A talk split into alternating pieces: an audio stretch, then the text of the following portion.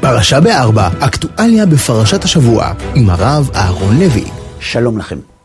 לפני כמה ימים התקשר אליי חבר טוב וסיפר לי שהוא מכיר זוג הורים שיושבים שבעה על הבן שלהם שנהרג במלחמה בעזה. הם שבורים ומרוסקים, הוא סיפר. זו תהיה מצווה גדולה, אהרון, אם תגיע לנחם אותם. ואיך בדיוק אני אנחם אותם? שאלתי אותו, מה אתה חושב שקל לי לשבת מול הורים שכולים? הם הרי שבורים ומרוסקים על הבן שלהם שנהרג, ואותו אני הרי לא יכול להחזיר להם, אז בשביל מה ללכת? מה אני אגיד להם? וחוץ מזה, למה אתה מתקשר דווקא אליי? למה לא למישהו אחר? מה אתה חושב, שלוחצים על כפתור ומנחמים? אתה יודע כמה זמן לוקח לי להתאושש מביקור ניחומים כזה? אלא שהחבר שלי לא התרגש. אני פונה אליך דווקא, אהרון, כי הם מכירים אותך.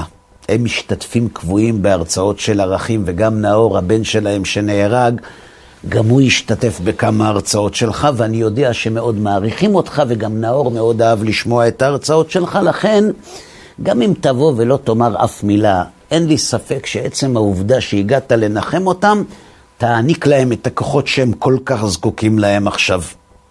אז השתכנעתי. כשנכנסתי לסוכת האבלים, ישבו שם המפקדים והחברים ששירתו עם נאור זיכרונו לברכה בצבא. וכשההורים של נאור ראו שהגעתי, הם ביקשו שאצטרף למעגל המנחמים ואשב לידם, וסיפרו לאנשים שישבו שם שהם משתתפים בהרצאות שלי, ובשביל זכות ההרצאות הם התחילו גם לקיים תורה ומצוות, ושגם נאור שלהם התחיל לשמור שבת חודש לפני שנהרג. ואז השתררה שתיקה. כולם הסתכלו עליי כאילו שיש לי מה להגיד, כאילו שעכשיו אני צריך להגיד, כאילו שאני איזה מומחה שכולם מחכים למוצא פיו, אבל בגלל שאני לא מומחה בכלל, ובגלל שאני גם אבא לילדים, ובגלל שבאמת לא היה לי מה להגיד, פשוט שתקתי, כי כשיושבים מול הורים שכולים, מרגישים פתאום מאוד קטנים. אלא שאז המפקד של נאור קטע את הדממה. אתה רב, נכון? הוא אמר. הייתי פעם בבית אבלים וראיתי שבאו רבנים לדבר, אז אולי גם אתה תגיד משהו. איך אפשר לנחם הורים, הוא שאל אותי, שהקריבו למען המדינה את הדבר הכי יקר שלהם? אני באמת לא יודע מה לומר, אמרתי לו. מה אני יכול להגיד יותר טוב ממך, אדוני המפקד?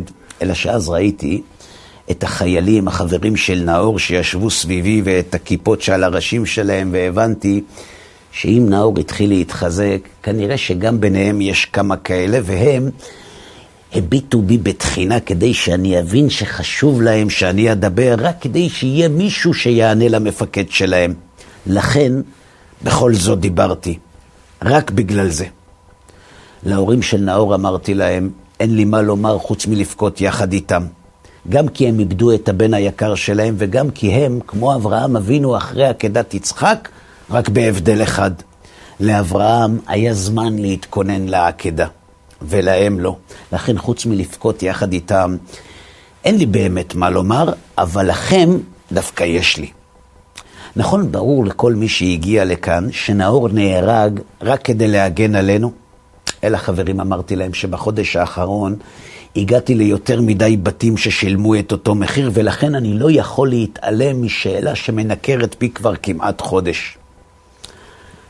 אנחנו שווים את זה? האם יש משהו ששווה הורים שכולים? האם החיים שלנו שווים יותר מהחיים של נאור? למה אנחנו מקבלים את העובדה שאנשים מתים בשביל שאנחנו נחיה בכזה שוויון נפש? מה כל כך חשוב בנו שאנחנו חושבים שאנחנו כאלה חשובים? מה זאת אומרת, אמר לי המפקד, הוא מת למען המדינה, מה, המדינה לא מספיק חשובה שנמות בשבילה? בטח חשובה, אמרתי לו, אבל השאלה שלי היא, מה הופך אותה לחשובה. תגיד אתה, כשאתה נכנס לחנות לקנות מוצר ומגלה שיש שני מוצרים זהים, רק שאחד יותר יקר, אתה תקנה את היקר בלי לבדוק למה הוא יותר יקר? תגיד לי, למה אנחנו נדרשים לשלם בשביל המדינה שלנו מחיר נורא כל כך, בעוד שמדינות אחרות לא משלמות אפילו עשירית ממנו? מה יש במדינה שלנו שאין במדינות אחרות? מה יש במדינה שלנו ששווה את המחיר הנורא? למה אנחנו עולים כל כך ביוקר בזמן שאחרים עולים הרבה פחות? נאור, אמרתי להם, כבר לא איתנו, ואנחנו גם לא יכולים להחזיר אותו. אבל מה שאנחנו כן יכולים לעשות זה לבדוק האם אנחנו ראויים למחיר שההורים של נאור שילמו, ואם לא, אז לפחות לדאוג שנהיה ראויים. לכן שאלתי, כי את זה אנחנו דווקא יכולים לשנות. לי יש תשובה, אמר אחד החיילים. אתה יודע, אנחנו לא ילדים קטנים. לפני שיצאנו לקרב, אהרון, כולנו ידענו שיש סיכוי שמישהו מאיתנו לא יחזור. דיברנו על זה, ואתה יודע מה נאור אמר? כולם יגידו לך כאן אם אני משקר. הוא אמר שאם כבר למות, אז למען המדינה. נאור אמר את זה. הוא בעצמו אמר, אהרון, שהמדינה שווה את החיים שלו, אז מי אנחנו שנתווכח איתו? אתה צודק, אמרתי לו. אבל אם נאור היה כאן והיינו שואלים אותו, למה הוא חושב שהמדינה שווה את החיים שלו? מה הוא היה עונה?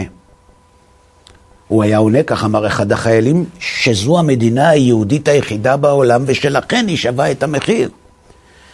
אתה צודק, אמרתי לו, עם עובדות אני לא יכול להתווכח. באמת מדינת ישראל היא המדינה היהודית היחידה, אבל זה עדיין לא עונה על השאלה שלי. כשמבקשים על אותו מוצר בחנות סכום יותר גבוה, כי יש במוצר הזה מרכיב נוסף שאין במוצר השני, האם אנחנו לא שואלים את עצמנו, האם אנחנו זקוקים לתוספת הזאת כדי לשלם עליה יותר? כי אם לא, לא נסכים לשלם עבורה את המחיר הגבוה, גם אם במוצר השני היא לא קיימת. ולכן, כשאנחנו מדברים על היהודית של המדינה, השאלה היא, האם זה באמת חשוב היהודית הזאת, ובעיקר, למה זה חשוב? יהודים, אמרתי להם, הרי יש בכל העולם. הם מתגוררים בארצות הברית ובמדינות נוספות, שאנחנו דווקא מנסים לאמץ את התרבות שלהם, והם נשארים יהודים למרות שהם לא גרים במדינת ישראל ובמחיר הרבה יותר נמוך. אז למה לשלם מחיר מלא כשממול מוכרים את אותו מוצר בהנחה של 50 אחוז? תגידו לי אתם, שאלתי אותם, למה המרצחים השפלים האלה נלחמים בנו? כי אנחנו ליברלים? כי אנחנו דמוקרטים? כי אנחנו שמאלנים או ימנים או פלורליסטים? ממש לא. הם נלחמים בנו לא כי אנחנו ישראלים, כי אנחנו יהודים, כי מפריע להם שיהודים גרים בארץ ישראל. לכן אם אנחנו מבקשים להשיב השאלה אם אנחנו ראויים שישלמו עלינו כזה מחיר, אנחנו צריכים לשאול את עצמנו עד כמה היהודית תופסת מקום חשוב בחיים שלנו. כי גם אם אמרתם שהמחיר שווה רק בגלל שזו המדינה היהודית היחידה בעולם, לא אמרתם הדמוקרטית וגם לא הליברלית, כי כאלה יש הרבה. אמרתם היהודית. לכן אם אנחנו רוצים שהקורבן שההורים של נאור הקריבו לא יהיה לשווא, אנחנו צריכים לשאול את עצמנו, איך אנחנו הופכים את היהודית הזאת למרכזית יותר בחיים שלנו, שהרי הסכמנו שרק בגלל המרכיב הזה, המדינה שלנו ראויה לכזה מחיר. תסכימו איתי שבשביל חיים חומריים לא שווה לשלם מחיר כזה, וגם אסור. תגידו, נראה לכם מוסרי לדרוש ממישהו למות רק כדי שאנחנו נוכל להמשיך לחיות וליהנות? מחיר כזה, אם משלמים, זה רק בשביל משהו רוחני, רק בשביל ערך, וערכים לא שייכים לתחום החומרי. לכן אמרתי להם, אם אנחנו רוצים להיות ראויים למחיר שההורים של נאור שילמו בשבילנו, אנחנו צריכים לבדוק עד כמה החיים שלנו עסוקים ברוחניות יהודית, כי ככל שהם יהיו כאלה, יהיה אפשר לדבר על המחיר. ויש לי גם ראייה למה שאמרתי. מאיפה? מפרשת השבוע. בפרשת ויצא, הפרשה נפתחת בתיאור יציאתו של יעקב אבינו מביתו בארץ כנען לגלות בחרן. וזאת אחרי שבמצוות אימא שלו הוא נטל בעורמה את הברכות מאביו יצחק, וגם אחרי שאביו ברך אותו בשתי ברכות, אחת גשמית ואחת רוחנית, ולמרות הכל הוא צריך לברוח. תגידו אתם, האם יעקב לא היה יכול לשאול שאלות? בהחלט שהיה. הוא היה יכול לשאול, איך זה למרות שאני, שלא רציתי ליטול את הברכות ונטלתי אותם רק בגלל כיבוד אימא שלי, אני צריך לברוח? איך זה שמצוות כיבוד הורים ששכרה נתפרש לא שומרת עליי? איך קורה שאני, שאבא שלי ברך אותי, הווה גביר לאחיך וישתחוו לך בני אמך, דווקא אני המבורך צריך לברוח ממי שאמור להשתעבד לי? אלא שלמרבה הפלא, למרות שהשאלות טובות, יעקב לא שאל. לא רק שהוא ברח, גם כשהוא היה בחרן אצל לבן, שהערים עליו ורימה אותו, גם אז הוא לא שאל. לא מוזר? למה יעקב אבינו מוכן לשלם את המחיר של הגלות על מה שלכאורה לא נראה שמגיע לו? ויותר מזה, כשלבן רודף אחרי יעקב ופוגש אותו, יעקב מטיח בלבן דברים קשים על הסבל הרב שהוא גרם לו, ועל זה שרק בגלל שהשם שומר עליו, לבן לא הצליח לפגוע בו, שנאמר, לולי אלוהי אבי, אלוהי אברהם ופחד יצחק היה לי, כי עתה ריקם שילחתני, את עוניי ואת יגיע כפיי ראה אלוהים, ויוכח אמש. שאלתם את עצמכם, למה יעקב מזכיר את הקדוש ברוך הוא רק עכשיו? למה כשהיה לו קשה הוא לא פנה בשאלות לקדוש ברוך הוא? למה רק את הטוב הוא מייחס אליו? והתשובה פשוטה. יצחק, כמו שאמרנו, לא ברך את יעקב ברכה אחת, הוא ברך שתיים, אחת גשמית ואחת רוחנית.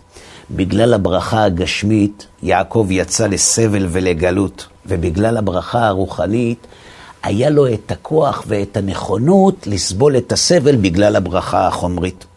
בברכה הגשמית, יצחק ברך את יעקב אחרי שהוא הביא לו מטעמים שנאמר, וייתן לך אלוהים מטל השמיים ומשמני הארץ. ובברכה הרוחנית הוא ברך אותו, רגע לפני שהוא בורח לחרן, שנאמר, ויקרא יצחק אל יעקב ויברך אותו ויצווהו ויאמר לו לא תיקח אישה מבנות כנען קום לך פדנה ארם ביתה בתואל אבי אמך וקח לך משם אישה מבנות לבן אחי אמך וכאן הוא מברך אותו בברכה הרוחנית ואל שדי יברך אותך ויפרך וירבך והיית לקהל עמים וייתן לך את ברכת אברהם לך ולזרעך איתך לרשתך את ארץ מגוריך אשר נתן אלוהים לאברהם. ועל זה כותב רש"י את ברכת אברהם, שאמר לו, ואעשך לגוי גדול, והתברכו בזרעך, יהיו אותם ברכות האמורות בשבילך, ממך יצא אותו הגוי ואותו הזרע המבורך.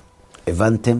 לכן יעקב לא שאל שאלות, כי הוא היה מוכן לשלם כל מחיר גשמי תמורת הברכה הרוחנית. אם הוא היה מקבל רק את הברכה הראשונה, הגשמית, יכול להיות שבאמת היו לו שאלות, האם זה כדאי, האם שווה לסבול כל כך הרבה בשביל עוד קצת איכות חיים וכסף, אבל כשהוא קיבל את הברכה הרוחנית, כשהוא הבין שהוא זה שנבחר להמשיך את אברהם ויצחק, בשביל זה יעקב היה מוכן לשלם את הכל.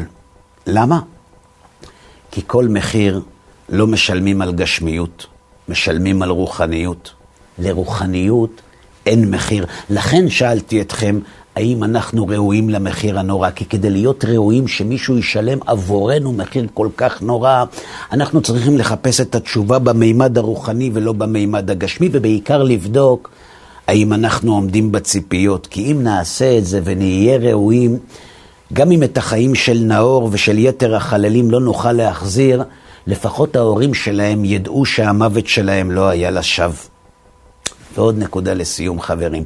לפני הרבה שנים, הגאון הרב שך, זכר צדיק וקדוש לברכה, עבר ניתוח, ובכל העולם היהודי נערכו תפילות לרפואתו. בתקופת ההחלמה שלו טיפלו בו צוות בית החולים כולו במסירות רבה, אבל הייתה אחות אחת שדאגה לו במיוחד. היא הסתובבה סביבו גם מעבר לשעות התורנות שלה, דאגה לכל הצרכים שלו, וגם כשהוא השתחרר, היא התעקשה לקחת בעצמה את החפצים שלה ולשים אותם במכונית. לפני שהרב נכנס למכונית, הוא קרא לה. אני מבקש, הוא אמר לה, להכיר לך טובה על המסירות שלך. אני מבקש לתת לך מתנה. כשטיפלת בי, שמתי לב לעובדה שאת מעשנת. את יודעת שהעישון מזיק לבריאות. אני מבקש ממך, תפסיקי. וכך במשך רבע שעה עמד הרב שך, זכר צדיק לברכה, והסביר לאחות עד כמה לא טוב לעשן, והוא נכנס למכונית רק אחרי שהיא הבטיחה לו שהיא אכן תפסיק. כששאלו אותו המלווים שישבו ברכב, למה הוא כל כך טרח לגרום לה להפסיק לעשן, הוא הסביר להם. אני, אמר הרב שך, חייב הכרת הטוב לאישה הזאת. והמתנה הכי גדולה שאני יכול לתת לה, זה הרי לגרום לה לשמור תורה ומצוות. אבל בגלל שהערכתי שהיא לא תסכים ולא תשמע לי, כשראיתי שהיא מעשנת, הבנתי שהיא גם מעשנת בשבת, ואם הייתי מבקש ממנה בשבילי לא לעשן בשבת, היא הרי לא הייתה שומעת, אז ברגע ששכנעתי אותה בשם הבריאות להפסיק לעשן, ממילא היא גם תפסיק לעשן בשבת, ואם כך, גרמתי לה טובה גדולה ועצומה. הבנתם חברים? עכשיו קל וחומר. אם עבור אחות שטיפלה בו, בלי שתסכן את החיים שלה, הרב שך כל כך התאמץ, איך הוא היה מתאמץ בשביל רופא שמסכן את החיים שלו כדי לטפל בו? ואם לרופא שרק מסכן את החיים שלו כדי לטפל בו, הרב שך היה מכיר טובה, עבור מי שמת למענו, לא כל שכן, שבת שלום. פרשה בארבע, אקטואליה בפרשת השבוע, עם הרב אהרון לוי.